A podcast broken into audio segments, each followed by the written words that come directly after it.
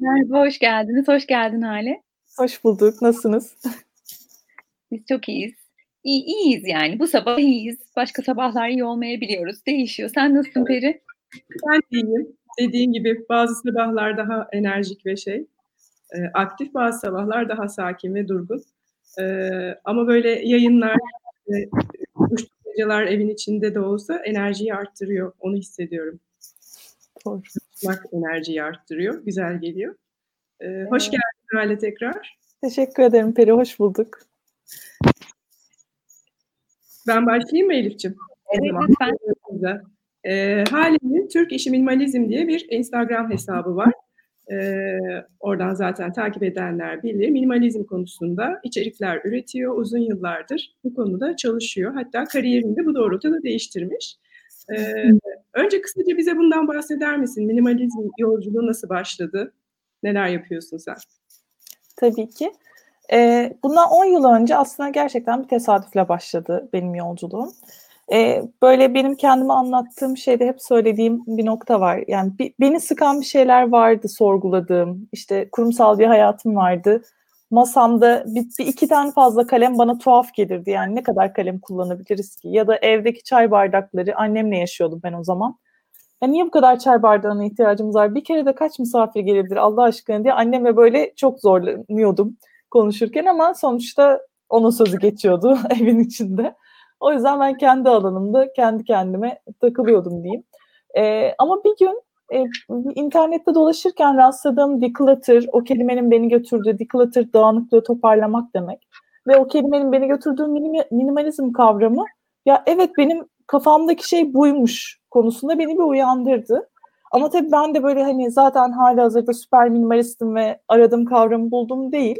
E, o zamanlar çok yeni işe başlamıştım ve çok küçük bir maaşla çalışıyordum. Ve şimdi geriye dönünce anlıyorum ki kendi kendime o maaşımı ispatlama çabasındaymışım. Bunu da somut hale getirmenin yolu bence alışverişlerdi. Ve sürekli minik minik alışverişler yapıyordum. Yani çok büyüğüne zaten param yetmiyordu. İşte indirim kovalıyordum, bu e, markaların outletlerine gidiyordum ve sürekli bir şeyler alıyordum. Dolabım gerçekten doluydu ve e, yani bir iki kapı benim odamda günlük hani ofise işe giydiğim şeyler vardı beş çekmece bir şifon yerim vardı. Bir de annemle tek yaşadığımız için ev müsait. Bir de ayrıca hani daha az giydiklerimin olduğu bir dolap daha vardı. E, ve o haldeyken tanıştığım bu kavram beni kendimi bir sorgulamaya itti. Ve şey istedim böyle herkese dönüp ya bakın çok enteresan bir şey öğrendim. Bunu kesin görmeniz gerekiyor diye ama hani en genç insan olarak buna da pek şansım yoktu. Ben de yazmayı seçtim o yüzden. Ee, biraz bakındığımda Türk şey olarak bir kaynak bulamadığımı fark ettim. Yani hani hep rastladığım şeyler Amerika'ydı. Oradaki yazarlar yazıyordu. Ben de o zaman dedim buna bir Türk işi bakış açısı getiririm dedim. Ve oradan da Türk işi minimalizm doğdu. Hemen Kaç sene önce? Ben onu duyamadım. 10 yıl kadar önce. önce. Yaklaşık 10 yıl. İlk böyle bir internet e, gazetesi vardı. Orada yazmaya başlamıştım. Ben böyle hani çıkıyorum konuşuyorum falan ama aslında çok utangaç biriyim ve bu seneler ve özellikle bu iki senelik tecrübem beni çok geliştirdi bu konuda. Yani hani şey vardır ya hem herkes beni bilsin ama kimse bilmesin. O duyguyla yaşadım çok uzun süre. Bir şey yazıyor. da yardımcı oluyor aslında değil mi Hale? Yani Kesinlikle. söylemek istediklerini söyleyip kendini geride bırakabiliyorsun bir yere kadar. Evet, evet. Yani şöyle bakıyorum da çok büyük yol kat ettim kendim için. Yani şurada bir canlı yayında sizle sohbet edebilmek benim için gerçekten bir yani kilometre taşı hayatımda ben şey anlatmanı isteyeceğim. minimalizmi tanımlayabilir misin? Çünkü bizim yani konuyla çok yakın olmayanların bildiği genelde böyle çok sade evler yani oradan girdik işte minimalist hmm. evler. Aa ne kadar güzel işte modernizmle yakın tutuluyor falan. Biraz ondan bahsedebilir misin? Hı hı. Tabii ki. Yani aslında karıştırılan bir şey var. Bir hayat tarzı olarak minimalizm bir de senin dediğin gibi hani mimaride, dekorasyonda, fotoğrafta, sanatta diyelim ya da kısaca minimalizm. Ee, bu sanattaki kısmı 1950'lere 60'lara uzanıyor ama bizim bir hayat biçimi olarak bu fazla tüketime, çok fazla alışverişe göre e, karşı çıkan akım daha böyle bir 10 yıl. Yani benim tanıştığım zamanlar e, ben şanslıymışım yani. Onda biraz doğuşunu yakalamışım diyebilirim. Yani insanların da kendi arasında yeni yeni konuştuğu, denediği zamanlardı. E, minimalizmi ben yorumları var aslında bana göre. E, benim kendi yorumumda insana yeten az ve öz eşyayla huzurlu bir yaşam sürmek. E, orada ufak bir denge söz konusu. Yani şu anki eşyalarım da bana ihtiyacımı karşılıyor diye bakabiliriz ama onları bir sorgulamak gerekiyor. Yani gerçekten e, bir güven duygusuyla da böyle biriktirdiklerimiz oluyor. Gerçekten baktığımızda her eşya benim hayatımda bir yeri var mı, işime yarıyor mu yoksa bir gün işime yarar diye mi kenarda tutmuşum? Ya da estetik olarak bu işin estetik kısmını atlamamak lazım. Yani e, Periyar'ın e, çok minimalist biri olsa arkasındaki tablolardan vazgeçmesi gerekmiyor. O onları mutlu ediyorsa mesela. E, ama mimaride de e, tabii ki dekorasyonda da minimalizm var. Yani aslında ruhen minimalist olmayan biri çıkıp salonunu minimalist şekilde dö- döşeyebilir. Ee, hmm. Burada yapılmaması gereken hata minimalizme yönelen bir insanın kendi eşyalarındaki o muhasebeyi yaparken gidip de minimalist e, ne diyeyim esintili eşyaları satın almaması. Yani evimi minimalist yapacağım diye beyaz seramik bir vazo işte böyle ne bileyim krem rengi koltuklar falan almaması. Yani ileride zevki bu yönde gelişirse tabii ki alsın. Evet. Ama hani minimalizme giriş bir evimin renklerini değiştiriyorumdan başlamamak lazım. Yani bir trendin ötesinde bir şey aslında hayatı sadeleştirmekten, daha evet. sade bakmaktan, daha basit evet. basitleştirmekten bahsediyoruz yani. Evet, kesinlikle. Senin son yaptığın paylaşımlarda söylediğin bir şey çok hoşuma gitti. Biraz onu açmanı isteyeceğim senden. İstediğiniz hayatı oluştururken ilk adım sizi temsil etmeyen şeylerden kurtulmaktır. Hepimiz varız dışarıya göstermek istediğimiz halimiz var demişsin. Hı hı. Ee, ya, bu minimalizmi sadece eşya bazında bıraktığımız zaman bugünkü konuyu da onu öyle seçmiştik ya bir bahar temizliğinden fazlası diye. E, çünkü gerçekten sadece eşya azaltma olarak bakarsak bunu zaten az ama çok yapıyoruz. Yazlık kışlık kaldırırken birazcık yapıyoruz. Canımız sıkılıyor. Bir evi toparlarken kırık dökük bir şeyleri toparlıyoruz. Bir bahar temizliği zaten ruhumuzda var. Hani Türklük olarak vardır yani bir bahar temizliği yaptım şimdi mevsim değiştiriyorum diye. Ama bunun kalıcı olması e, alışveriş alışkanlığında değişmesiyle geliyor. Kendini daha iyi tanımakla geliyor. Özüne dönmekle, gerçek duygularına, hayattaki gerçek isteklerine dönmekle geliyor. O yüzden minimalizmin somut tarafı, eşya tarafı, az az eşya derken bir de soyut tarafı var ki o da gerçekten hayatta ne istediğini bilmek. Yani e, ben üniversiteye hazırlanırken hatırlıyorum e, iyi bir öğrenciydim ben. Sınavlarımın da iyi geçeceği bekleniyordu. Rehber öğretmen beni karşısına çekip gideceğim, yazmam gereken bölümleri söylemişti ve bana sormamıştı ne istiyorsun diye. Benim tahmini puanıma baktı ve sen şunu şunu şunu okuyabilirsin dedi. Ben böyle kaldım ama hani başka bölüm ne ben ne istiyorum ne olacağım falan. Aa yazık etme bu puanını dedi bana. Tamamen cevabı buydu. E şimdi mezun oluyorsun. O zaman da aynı şey var. Hele ki benim okuduğum dönemde işte işletme çok meşhurdu. Ben gerçi siyaset bilimi okudum. E, ama bizim okulda özellikle de bizim bölümde her mezun olan pazarlamaya giriyordu. Yani böyle bir trend vardı çünkü pazarlama bizden önce işletme mezunluğu çok şeyken ve böyle bankacılık falan. E işte bizim 2005-2006 mezunlarında müthiş bir pazarlama, her şirketin pazarlama departmanına girmek çok şeydi. E birçoğumuz da buna böyle çok severek girdik ama şimdi düşünüyorum gerçekten kaçımız bunu çok isteyerek girdi. Birçoğunun da sonra ben işlerinden ayrıldığını gördüm. Kendi birebir arkadaşlarımın, kendi dönem arkadaşlarımın hepsinin e, bir 5 sene, 10 sene bu işi yaptıktan sonra farklı farklı kulvarlarda kimisi kurumsal hayatı bırakarak, kimisi kurumsalda kalarak devam ettiğini gördüm.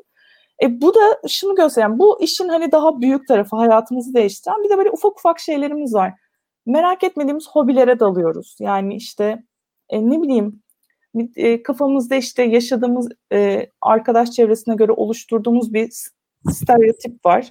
O tipe göre işte bu kişi şöyle işte film festivalini kaçırmaz.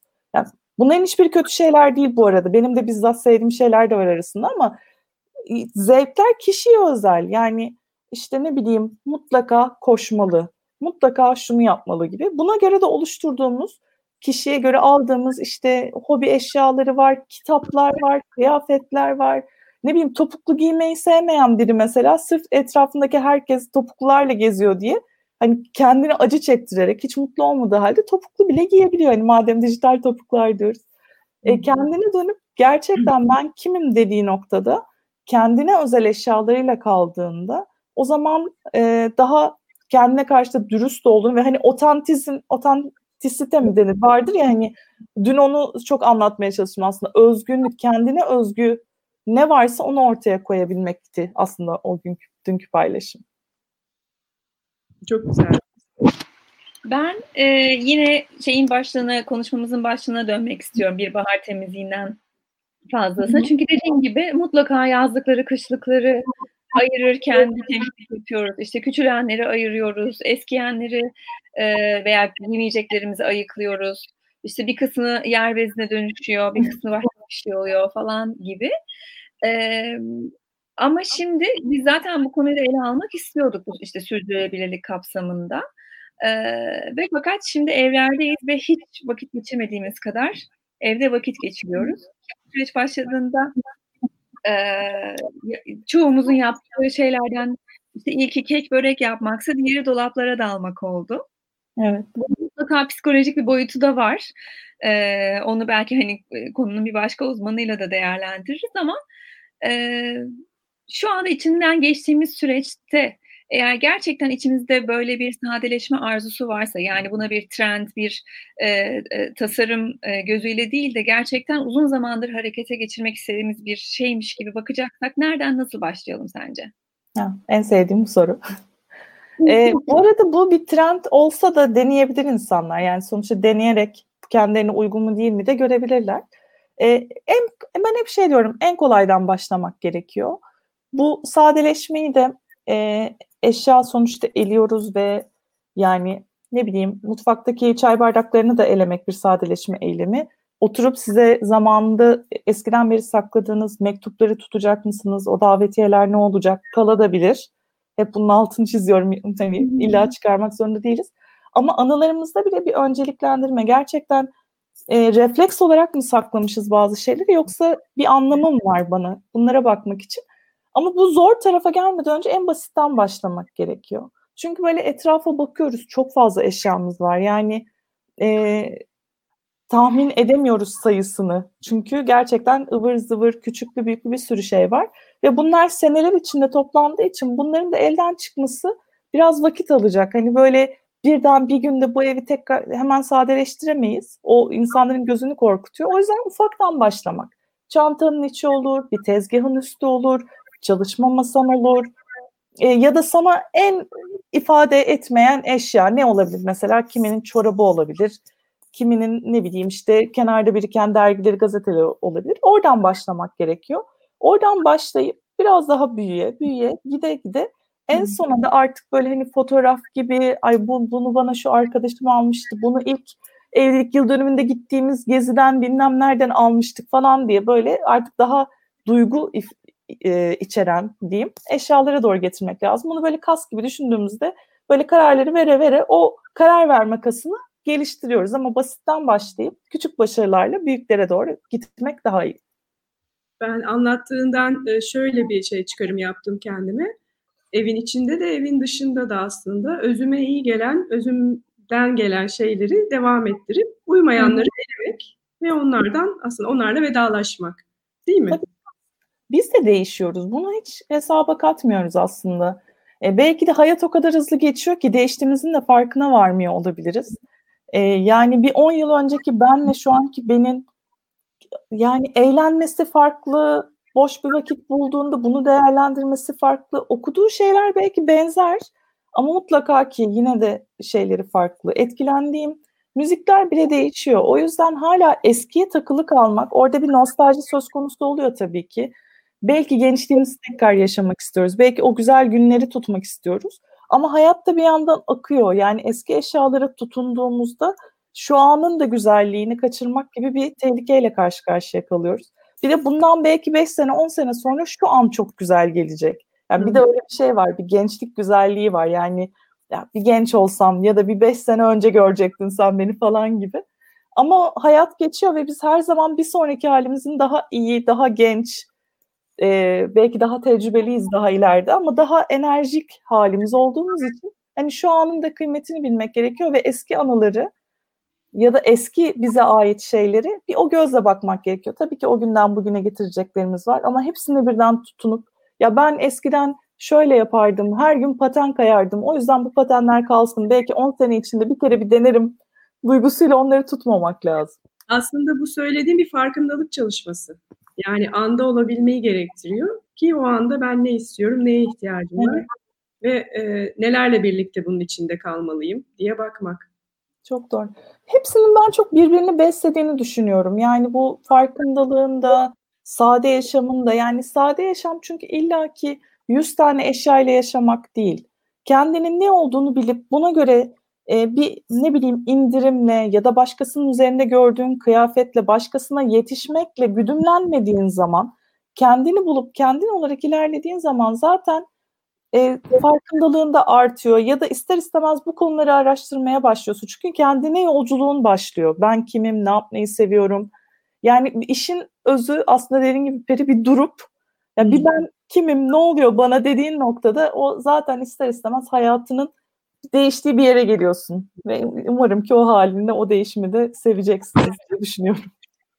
E, Dostoyevski'nin bir sözü var şimdi onu teyit etmek için tekrar baktım.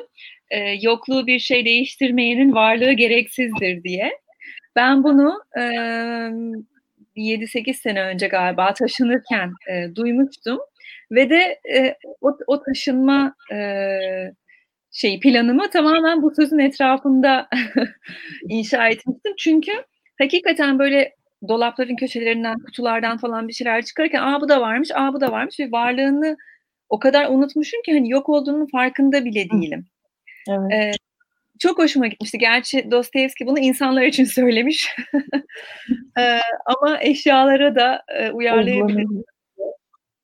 Kesinlikle bu e, bazen bazı eşyalara karar vermek çok kolay. Mesela işte şimdi ben yayından önce bir toparlama yaparken mesela önümde tripodum var benim.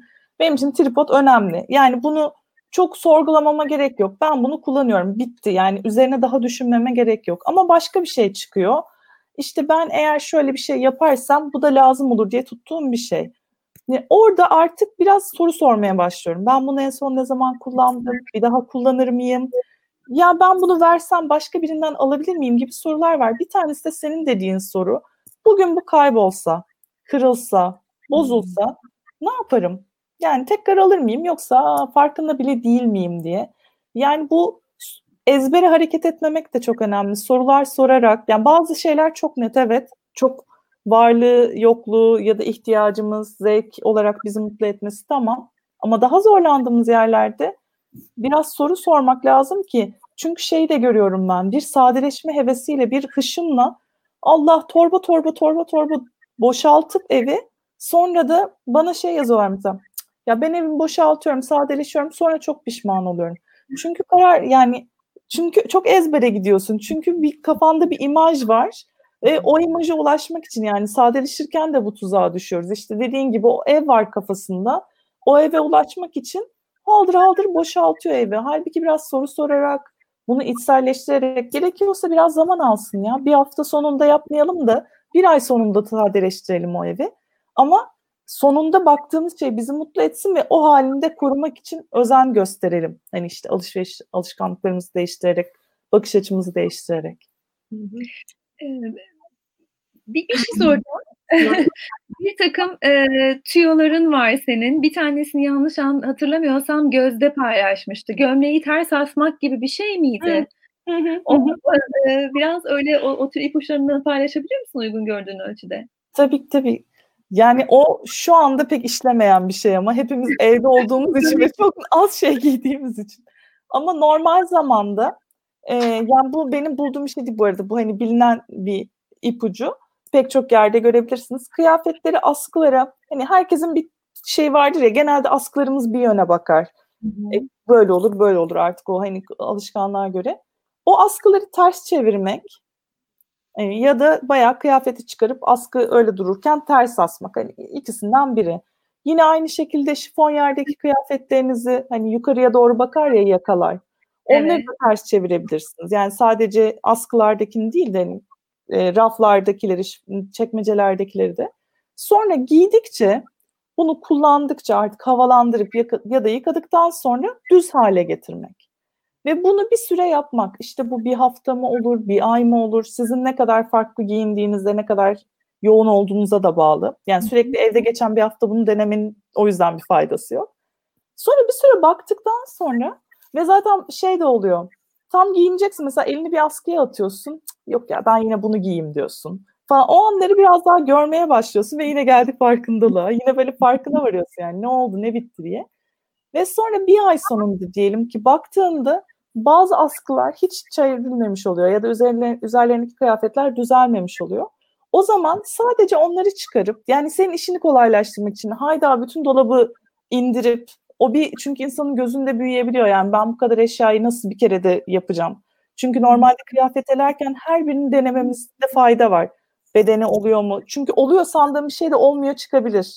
Hani her zaman çok severek giydiğim bir şeyin meğer bir tarafında çok büyük bir leke vardır. Dikkat etmemişsindir. E, arkasında bir yırtığı bir şey vardır. Yani o yüzden her şeyi bir giyip şöyle bir arkanı önü bakmakta hatta işte bu gömleği hangi etekle hangi pantolonla giyiyorsun onları bir çeşitli bakmakta her kıyafetin senin için yeterli mi ya da e, efektif kullanabiliyor musun diye.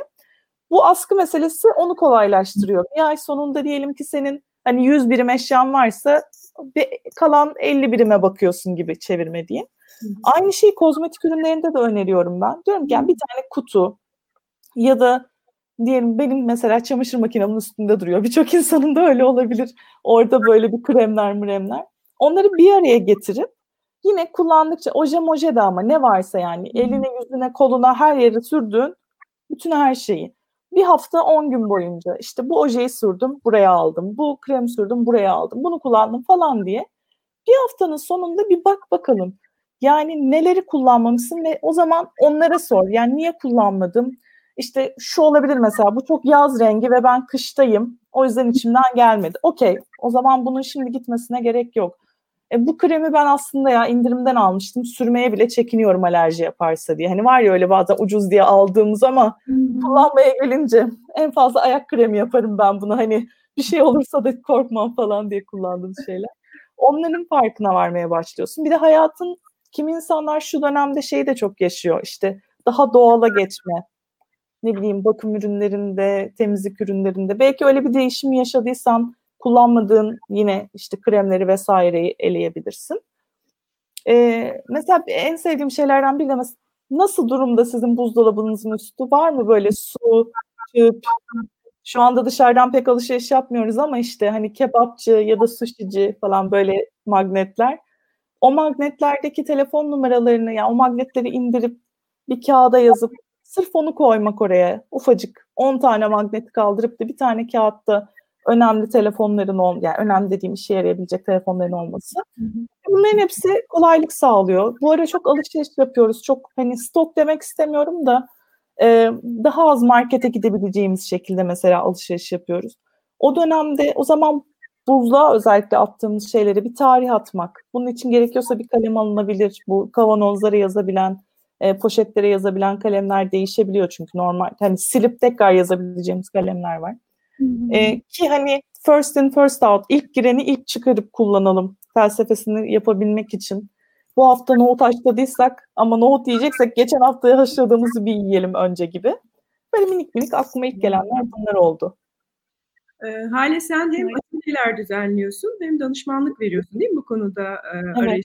insanlara? Neler yapıyorsun? E, içeriklerinden bahseder misin biraz neler yaptığında? Atölyeler kısa sürüyor.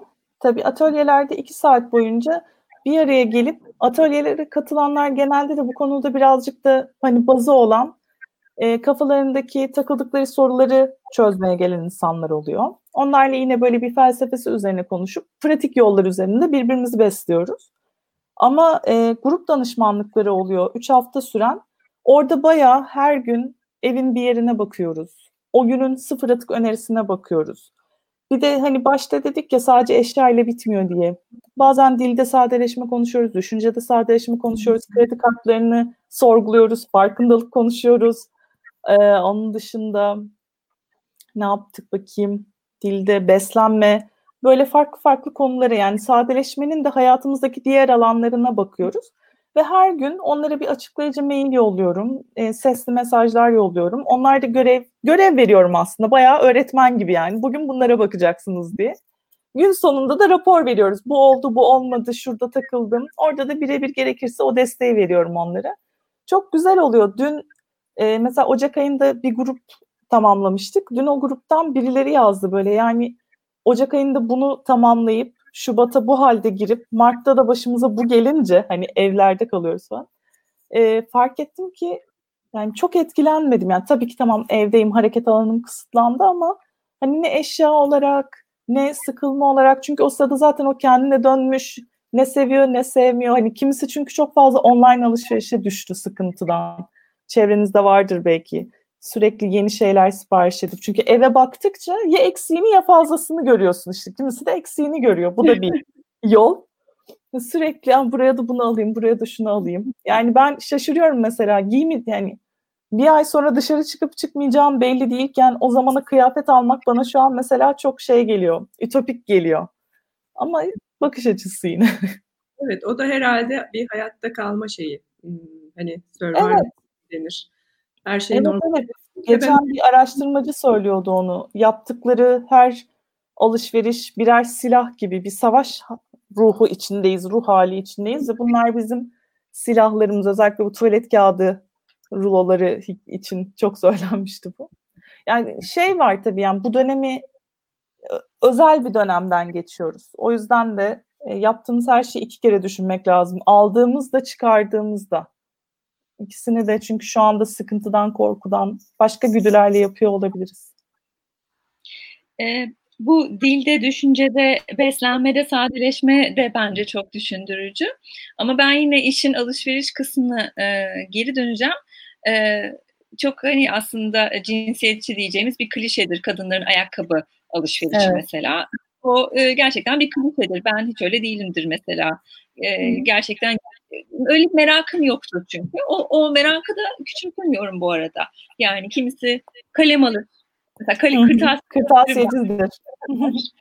ee, bir de bu e, ve bu alışverişin sadece kadınlara özgür olduğunu da düşünmüyorum. Ee, insanın öyle bir ilgi duyduğu şeyler var. Ben mesela e, son birkaç senedir kendimde onu kitapta görüyorum.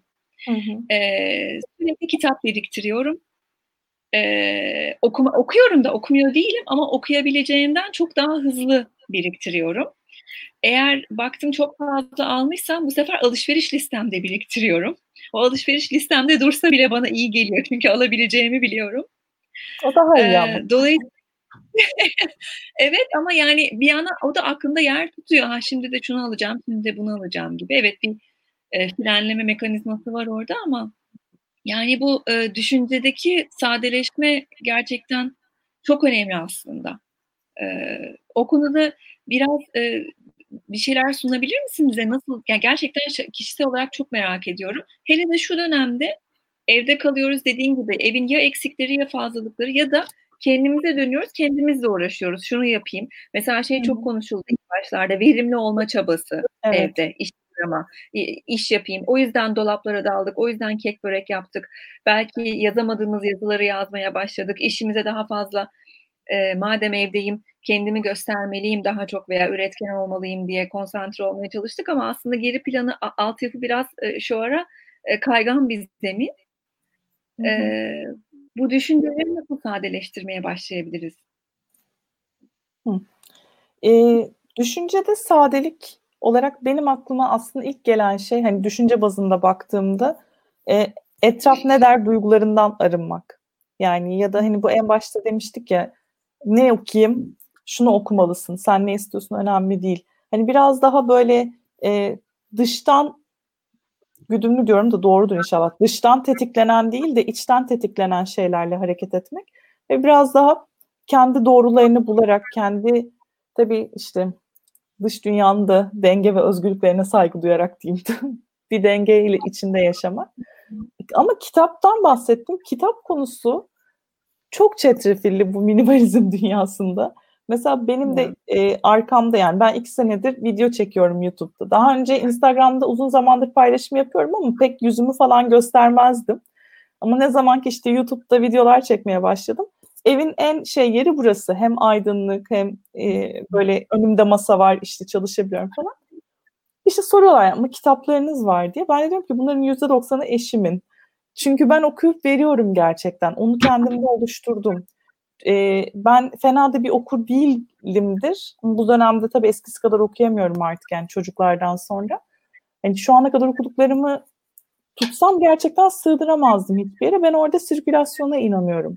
Ama kitaplarını çok seven, e, ayrılmak istemeyen kişiler var. Onları da çok zorlayamıyorum. Ama benim gözümde mesela kitap üzerinde onu bir söylemek istedim. Bir daha okumayacağım da emin olduğum kitapların hiçbirini tutmak istemiyorum.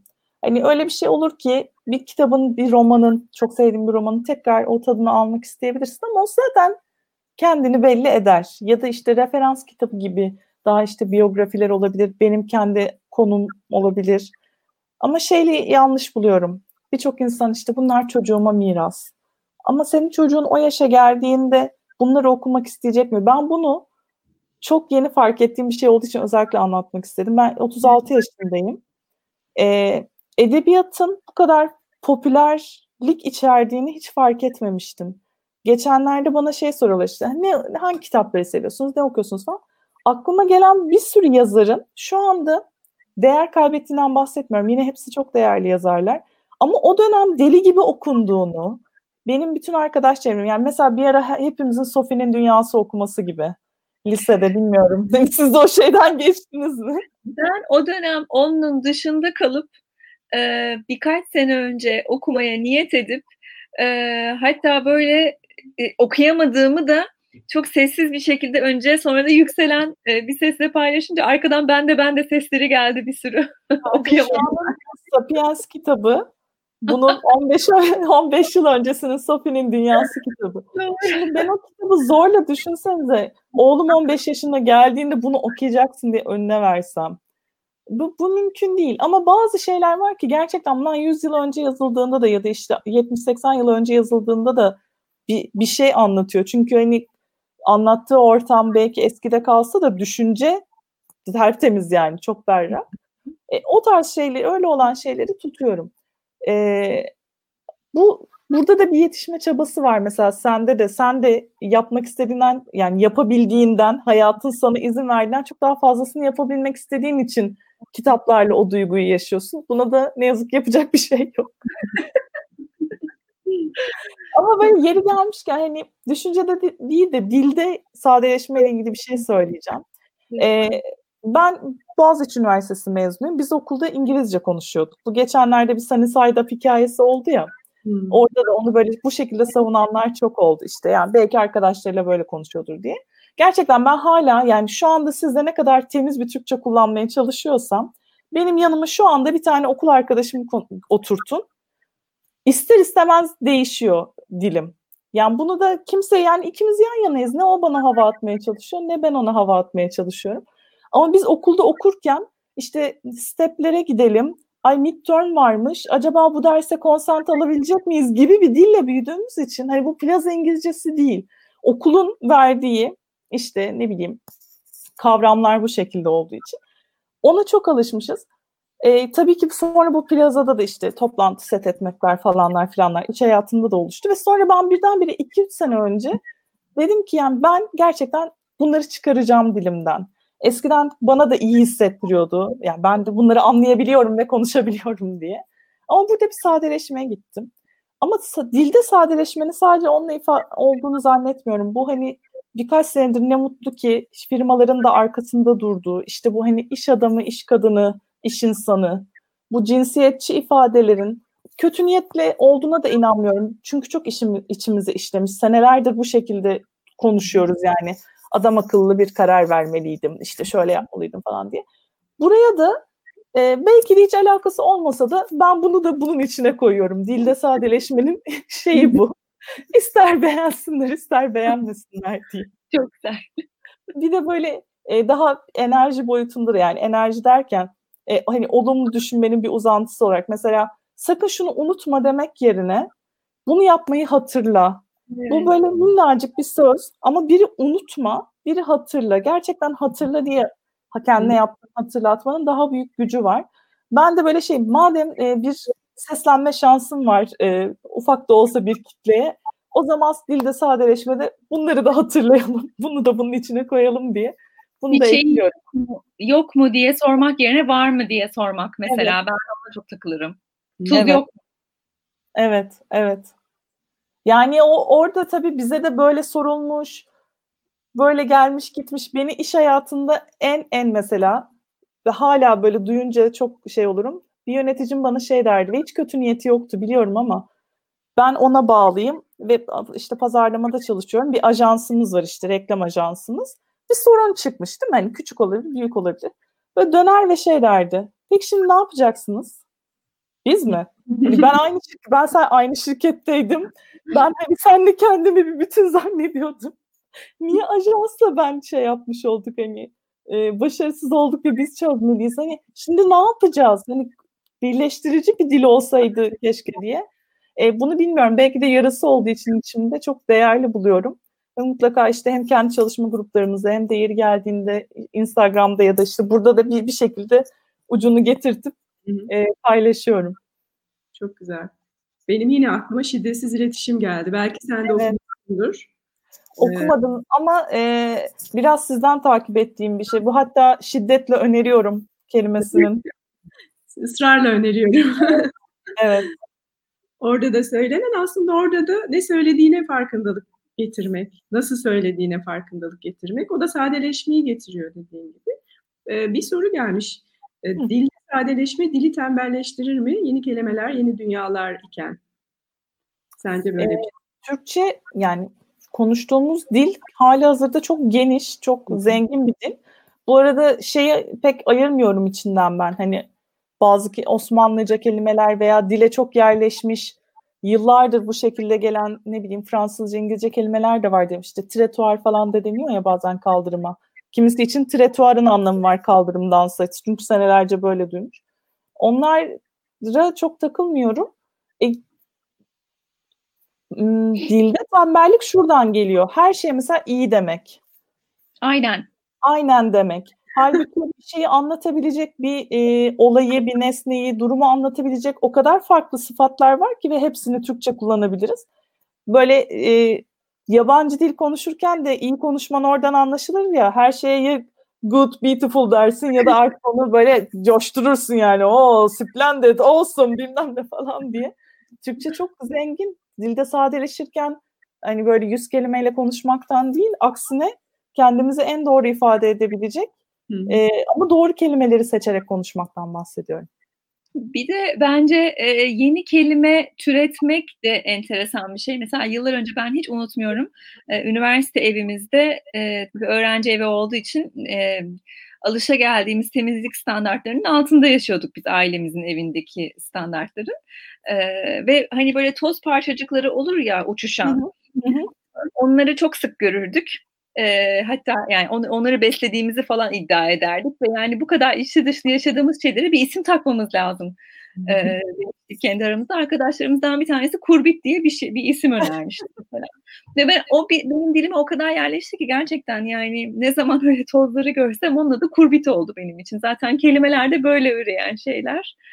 Ee, bir yandan sadeleşeceğiz derken bir yandan da üretmeye devam edebiliriz bence. Tabii, yani bundan bir 10 yıl önce birisi bir şeyi Google'lamak dediğinde yani o mesela artık bir kelime benim için. Bu sadeleşmeyle alakası yok. Yani Google'da aramak okey. Hani bu da okey de dedim bu arada. Bu kadar konuştuk. yani Google'da aramak ya da bir arama motorunda bir arama yapmak falan tamam ama artık hayatın içine o kadar yerleşmiş ki Google'lamak diye bir şey geldi. Hatta geçen gün bir tane firma takas mesela takas yapmaktır aslı. E, bunu yerleştirmek için takaslamak demiş. Önce çok karşı çıktım. Sonra düşündüm belki bundan sonra yani bu yeni dünya bilmiyorum bu bu halden nasıl çıkacağımız konusunda gerçekten hiç fikrim yok. Yine pozitif tarafında kalmaya çalışıyorum. İyi çıkacağımızı, ders alarak çıkacağımızı düşünüyorum. Öyle bir dünyada da işte paylaşmak, imece usulleri takas, vesaire tekrar e, inşallah bir popülerlik kazanırsa belki de gün gelir 10 sene sonra bizim çocuklarımız da böyle bir şeyi takasladım derler. Belli olmaz. Yani dil gelişen bir şey, canlı. Çok katılıyorum. Şimdi az zamanımız kaldı. Bir iki konuya daha değinmek istiyorduk. Bunlardan bir tanesi bu geçtiğimiz dijital topuklarda 1 Kasım'da kahvem termosta e, etiketi e, sen başlattın değil mi o etiketi? E, senin önderliğinde e, zirvede başladık. Herkes termosunu getirsin, kahveyi öyle ikram edeceğiz diye. Evet. E, ve bundan hem çok mutluluk duyduk böyle bir şeye katkı sağlayabildiğimiz için. E, ondan bahseder misin? Ve o günden beri de termoslarımız hep e, aktif ya. olarak aklımızdaydı değil mi Elif? Kesinlikle ben böyle buraya işte bir buçuk aydır biz e, İstanbul'un dışındayız. Gelirken ilk getirdiğim şey termostu. Ama tabii evden hiç çıkamayacağımı düşünmemiştim. Geldiğimden beri o termosu kullanmıyorum. Çünkü kahvemi hep bardakta içiyorum. Şu gün boyu şey olunca e, hani kahven soğuk yani biraz daha küçük çocukların olsa belki hani soğuduğu için yanında da taşıyabilirdin. Hani evden bana hala yollayan oluyor. Bebeği var mesela işte anca içiyorum falan diye. E, kahvem termosta gerçekten hani böyle benim bebeğim falan gibi artık çok duygusal bir bağ duyduğum, hissettiğim bir proje. E, aslında yine mantık çok yani dünyada da var olan, Türkiye'de de hali hazırda bir kahve zincirini veya bir iki tane çok küçük işte Cunda'da, Nişantaşı'nda falan örneklerini gördüğüm bir şeydi, uygulamaydı.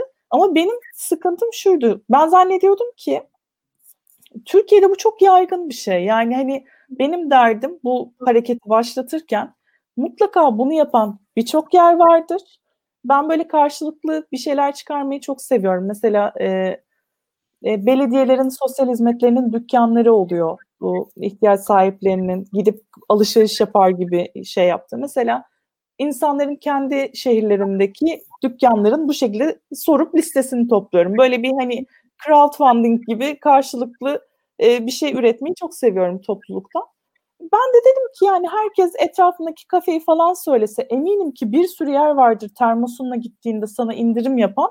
Bunun güzel bir listesini yapalım merak eden de bulsun.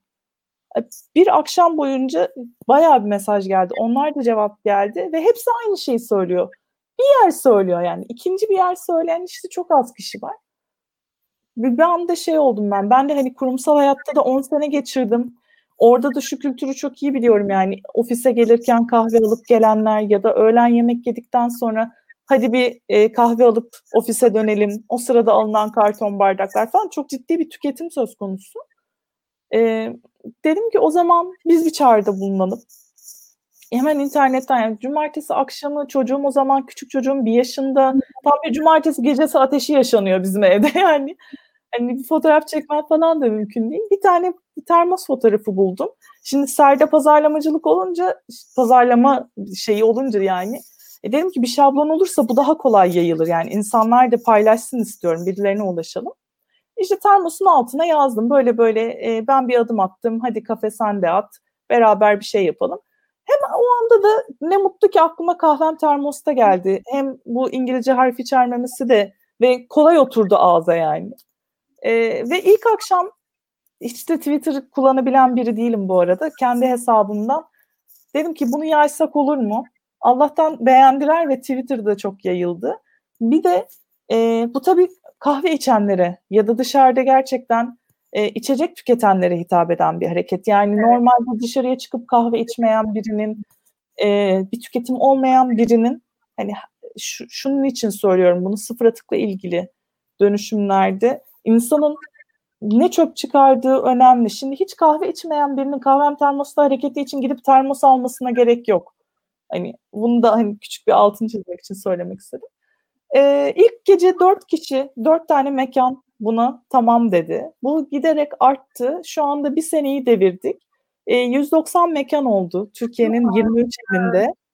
Çok mutluyum. İşte bir akşam Elif'e yazdım. Yani dedim e, tanışmıyoruz da normalde ama işte Gözde'den e, sağ olsun Gözde sunuculuğumuzu yapan son dijital topukların evet. minik bir bağ yine de köprü oldu aramızda.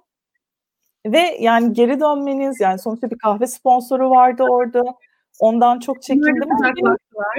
Evet çok da şey yaptılar yani ve ben de geldim o gün termosunda Hı. ve beni gören herkes yani beni hani herkes dediğim beni gören, tanıyan, bilen 3-5 arkadaşım birdenbire bütün şeyi semineri sahiplendim. Ee, hemen böyle termoslarımıza fotoğraf çektirdik. Böyle oturuyoruz, sizi dinliyoruz. arada bir sesler duyuyorum. Tıkır tıkır. İnsanlar termoslarından bir şey içiyorlar.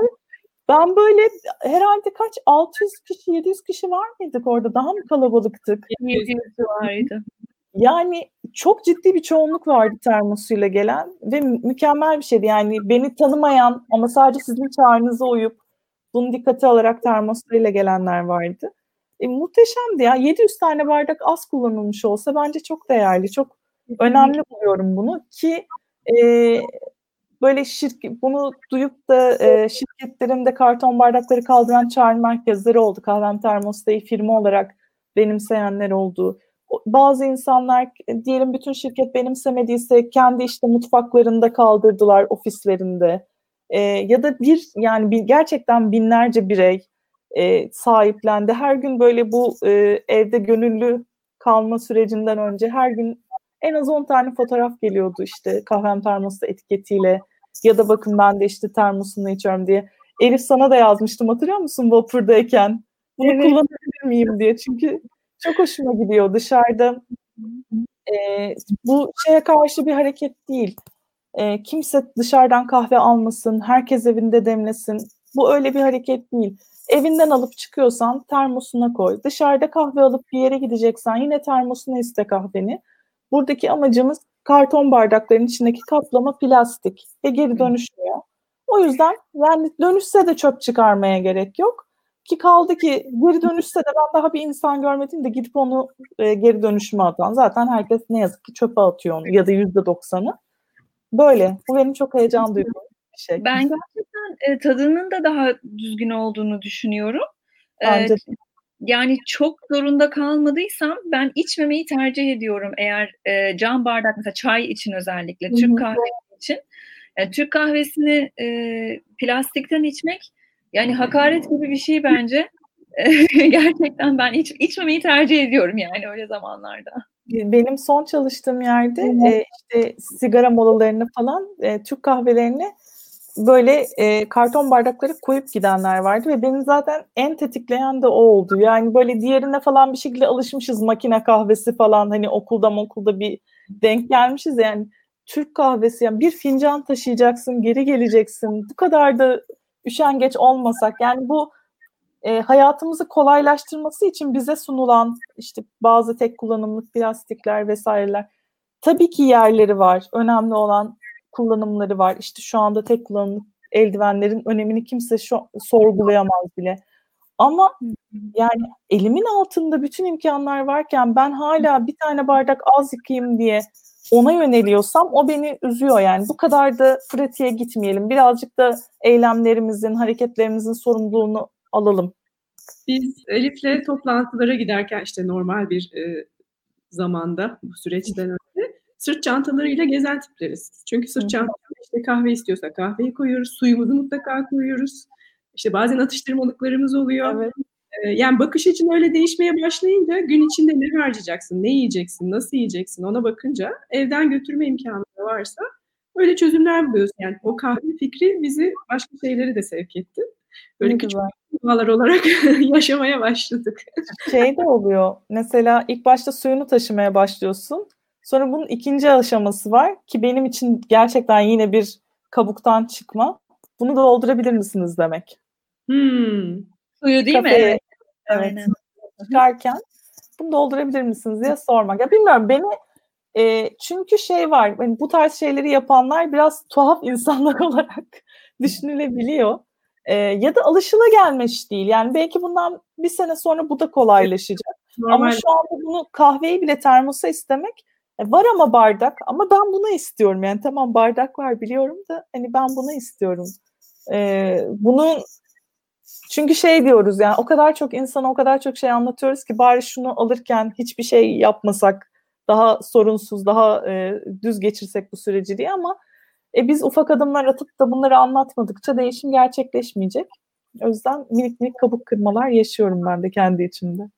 Bir sonraki sohbetimizde kolektif ve bireysel ihtiyaçları, sorumlulukları konuşacağız. Bu dediğin aslında ona giriyor. Yani sen orada evet kendin için istiyormuş gibi görünüyorsun o bardağın içindeki suyu aslında ama daha büyük bir e, amaca hizmet ediyor o. Evet. Yani Dolayısıyla aslında kolaylaşıyor. Hı hı. sıfır atık konusu da bir bakış açısı değişikliği. Biraz evet. da bahsedebilir misin? Ondan sonra da süremiz e, dolmak tamam. üzere. Arayalım. Sıfır atık benim e, bir TED, TEDx konuşmasında karşıma çıkan bir kavramdı. Bundan herhalde 4-5 yıl önce bir üniversite öğrencisinin e, sonra hep rastlamışsınızdır böyle bir tane kavanoz tutup ben son bir yılda sadece bu kadar çöp çıkardım diye ortaya çıktı. E, ama işte adında sıfır olması ve bunu temsil eden insanların karşımıza bir kavanozla çıkması e, normal hani daha sıradan ortalama bizler için çok korkutucu oldu. Hani bu e, buraya varamayacaksam ben bu işin içine hiç girmeyeyim gibi.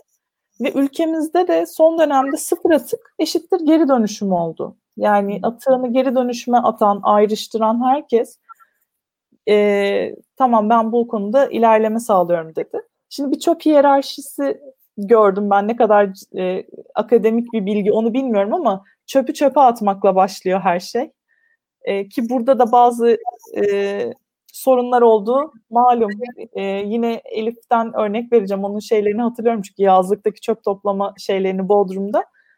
Biz kapalı bir sahildeyiz. Hani halka açık bir yere de gitmiyoruz. Sitenin e, yazları e, tatile gittiğimizde. Ve yani hani benim gözümde kendi sahilim bu kadar kapalı bir şey olmuş. Uzak çünkü merkezden.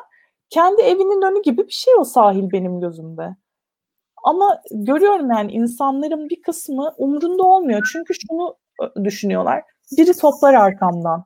Ya akşam bir görevli gelecek ve bunları toplayacak. O sırada artık o yediği dondurmanın paketi gidip denize uçmuş mu, uçmamış mı falan bunları pek önemsemiyorlar. Bu aynı hareketi şehirde de daha fazlasıyla da yapıyorlar. Yani ben bu şehir mobilyaları denen banklara, çöp kutularına falan yapılan şöyle sokakta yürüdüğümde şeyleri gördüğümde inanamıyorum. Yani işte otobüse binerken son sigarasını alıp da böyle banka söndürüp binen inanılmaz güzel kadınlar, bakımlı kadınlar falan görüyorum. E, bunun o yüzden bir eğitimden vesaireden bağımsız kişisel bir dönüşüm olduğunu artık yani çok kişi bazında eğitimlerimiz gerekiyor. Çöpe çöpe atmakla başlıyor.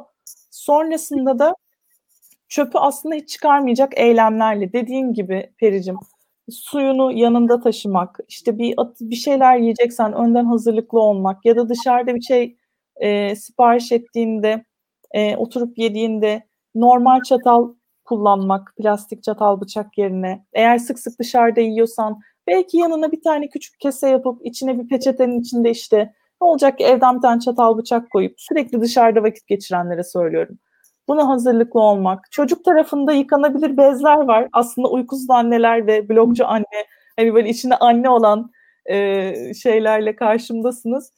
Bana da ikinci çocuğum da yani hani ikinci çocuğum iki yaşında benim. O zaman hayatıma giren bir kavram oldu. İlk çocuğumda yıkanabilir bezdense ben kazandı bez kaynatmak falan düşünürdüm. Onun da teknolojisi değişmiş. Ee, ne bileyim kadınlar için artık adet kapları, yıkanabilir kadın bezleri, e, farklı şeyler çıktı. Yani hayat bu alanda da bir işimizi kolaylaştırıyor. E, en çok çöp çıkardığımız yere bakmak gerekiyor kişi olarak. İşte çocuğu olanlar için bu genelde bez oluyor. Kadınlar için hala adet oluyorlarsa adet e, işte adet döneminde kullanılan pedler. Alışverişi bana şu anda söylediğinde ilk aklıma gelen market alışverişi sonrasında paketli ya, evet. şeyler. E, sebzeler, meyveler evet. de olabiliyor. Yani her zaman pazara gidemiyorsun. Normalde sen bizzat markete gittiğinde keseler olarak e, yani sebzenin büyük bir çoğunluğu benim gördüğüm e, bir organik tarafındakiler paketli oluyor ayrışmak durumunda kaldıkları için.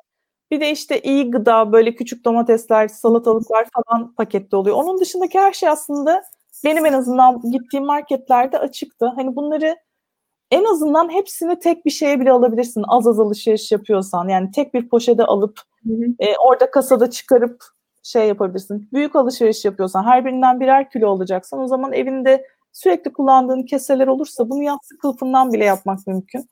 Bir yıkamaya bakıyor sonrasında. Ütü bile istemeyen bir şey benim gözümde. Bu kadar titiz olmaya gerek yok. Mesela ben simit çok seviyoruz biz normalde. Biz aile olarak aile boyu ben, eşim, çocuklar simitçiyiz. Her gün bir dışarıya çocuk okuldan dönerken çıkıldığında alınıyor. Bir tane kese taşıyorum yanımda küçücük şu boyda.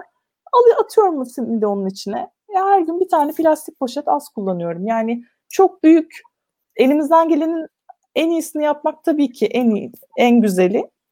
Ama yapabildiğimiz şeylere odaklanıp orada da adım adım ilerlemek. Çünkü hayatımız bize e yani ben diyorum ya 36 yaşındayım. Bunlarla büyüdüm yani bezle büyüdüm. Kadın pedi gördüm. Şimdi bir, bir günde hayatımı 360-180 derece döndürmem mümkün değil. E, o yüzden adım adım benimsiyorum bunları. Bu alanda da hareket etmek isteyenler işte suyunu taşıyarak başlasın. Ne bileyim kahve içiyorsa kahvesiyle başlasın. Minik minik e, bir sürü kaynak var internette. Oradan kendilerine e, çözümler bulabilirler. Bu e, market poşetlerinin ücretlendirilmesinin e, bu anlamda bir katkısı oldu gerçekten. Yani yanımızda ilk ilk günler çok komikti yani elinde bir lahana işte bir e, salça falan ortasında evet. o 25 kuruşu verdim henüz çözüm bulabilmiş değilim. E, şeklinde. E, kumaş peçete mesela benim oğlumun okulunda kumaş peçete evet, kullanıyor. Doğru. E, ve e, ben de bu süreç başlamadan önce evde denemeye başlamıştım. E, diyorsun ya başlayabildiğiniz yerden mesela çok kolay olmadı benim için o süreç. E, biraz uğraşmak gerekecek. Çünkü bir de tek başımıza tek başıma değilim. Beş kişilik bir aile, hı hı. çocuklar çok ciddi e, tüketiyorlar. Yani sürekli bir temizlenme ihtiyacı yemek sırasında da. E, onu sürdürmek çok basit olmadı. Ona zaten bir gerilemiştik oradan.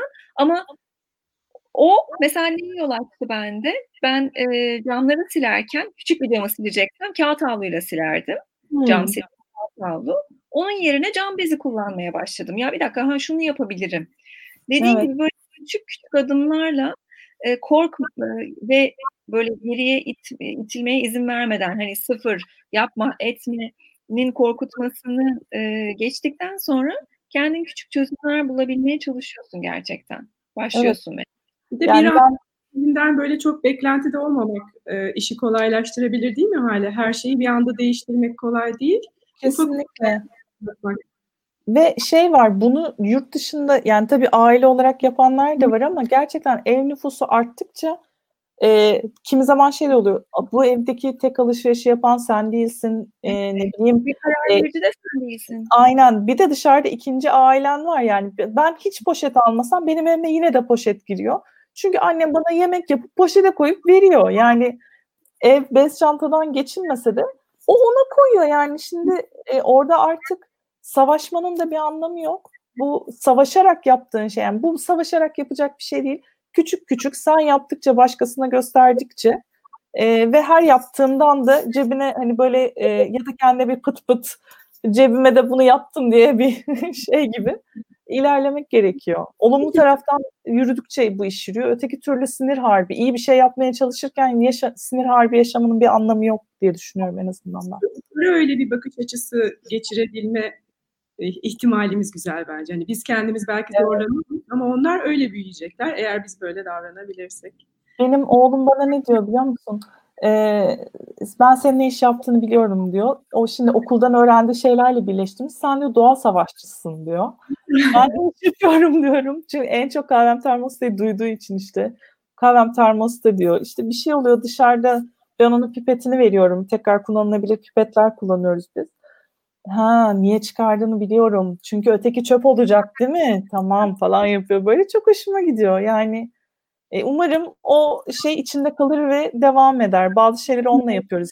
Başkalarına da yayılır umarım. Umarım. Hale çok teşekkür ederiz. teşekkür ederim. E, verdiğin bilgiler, keyifli sohbet ve bu bakış açısı için. Ben aslında e, işte o dolapları derleyebilirim, e, bir bahar temizliği yapabilirim hissi içinde hiçbir şey yapamıyordum ama ufak ufak şimdi bu sohbetle birlikte galiba o motivasyonu buldum kendimde. Umarım. Çok mutlu oldum. Benim için çok da özel bir şey oldu. Çok teşekkürler. Ayrıca ilk YouTube canlı yayınım oldu. çok teşekkür ederiz bugün geldiğin için. Sağ ol Elif. Çok teşekkürler. Görüşmek üzere. Herkese, herkese çok sevgiler.